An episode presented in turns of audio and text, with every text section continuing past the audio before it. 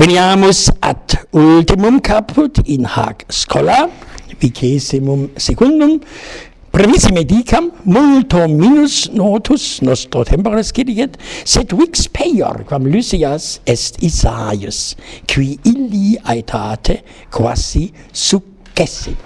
Eam ob causam quod est nimis similis eh, uh, Lysiae, nunquoque parum legitor, sed est orator optimus qui unus ex omnibus oratoribus atticis nunquam in republica versatus est.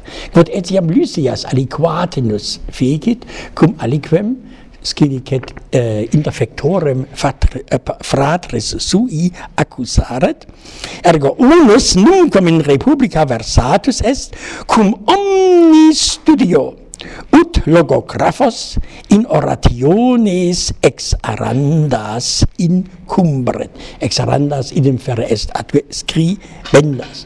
Ergo egit ut nunquoque juris consulti rechtsanwälte advocati quos dicimus nihil aliud. Ad nos autem pervenerunt eius duodecim orationes mirifice expolitae. Optimae sunt quae omnes versantur in causis hereditatum. Erbschaftsprozesse. Causis hereditatum.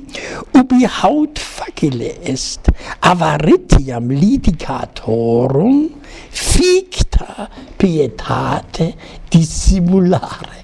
Scivis hoc omnes si uh, hereditas in causa est omnes fincunt quam maxime esse pios solicitos de bona fama eius qui decesit, sed revera, spectant omnes activitias, ubique est avaritia, ergo hies maxima ars, tu tulocu hanc avaritiam abscondere, et semba aliquot honestas et pias causas in venire ne veritas cognoscrito. Hoc autem facit Isaius mi riffice, ego se ego judicum mihi videtur eius etopoia tam bona esse atque quam in Lycia est maior etiam caliditas etiam indisponendis oratoribus et sermo est figuris multo magis elaboratus. Ergo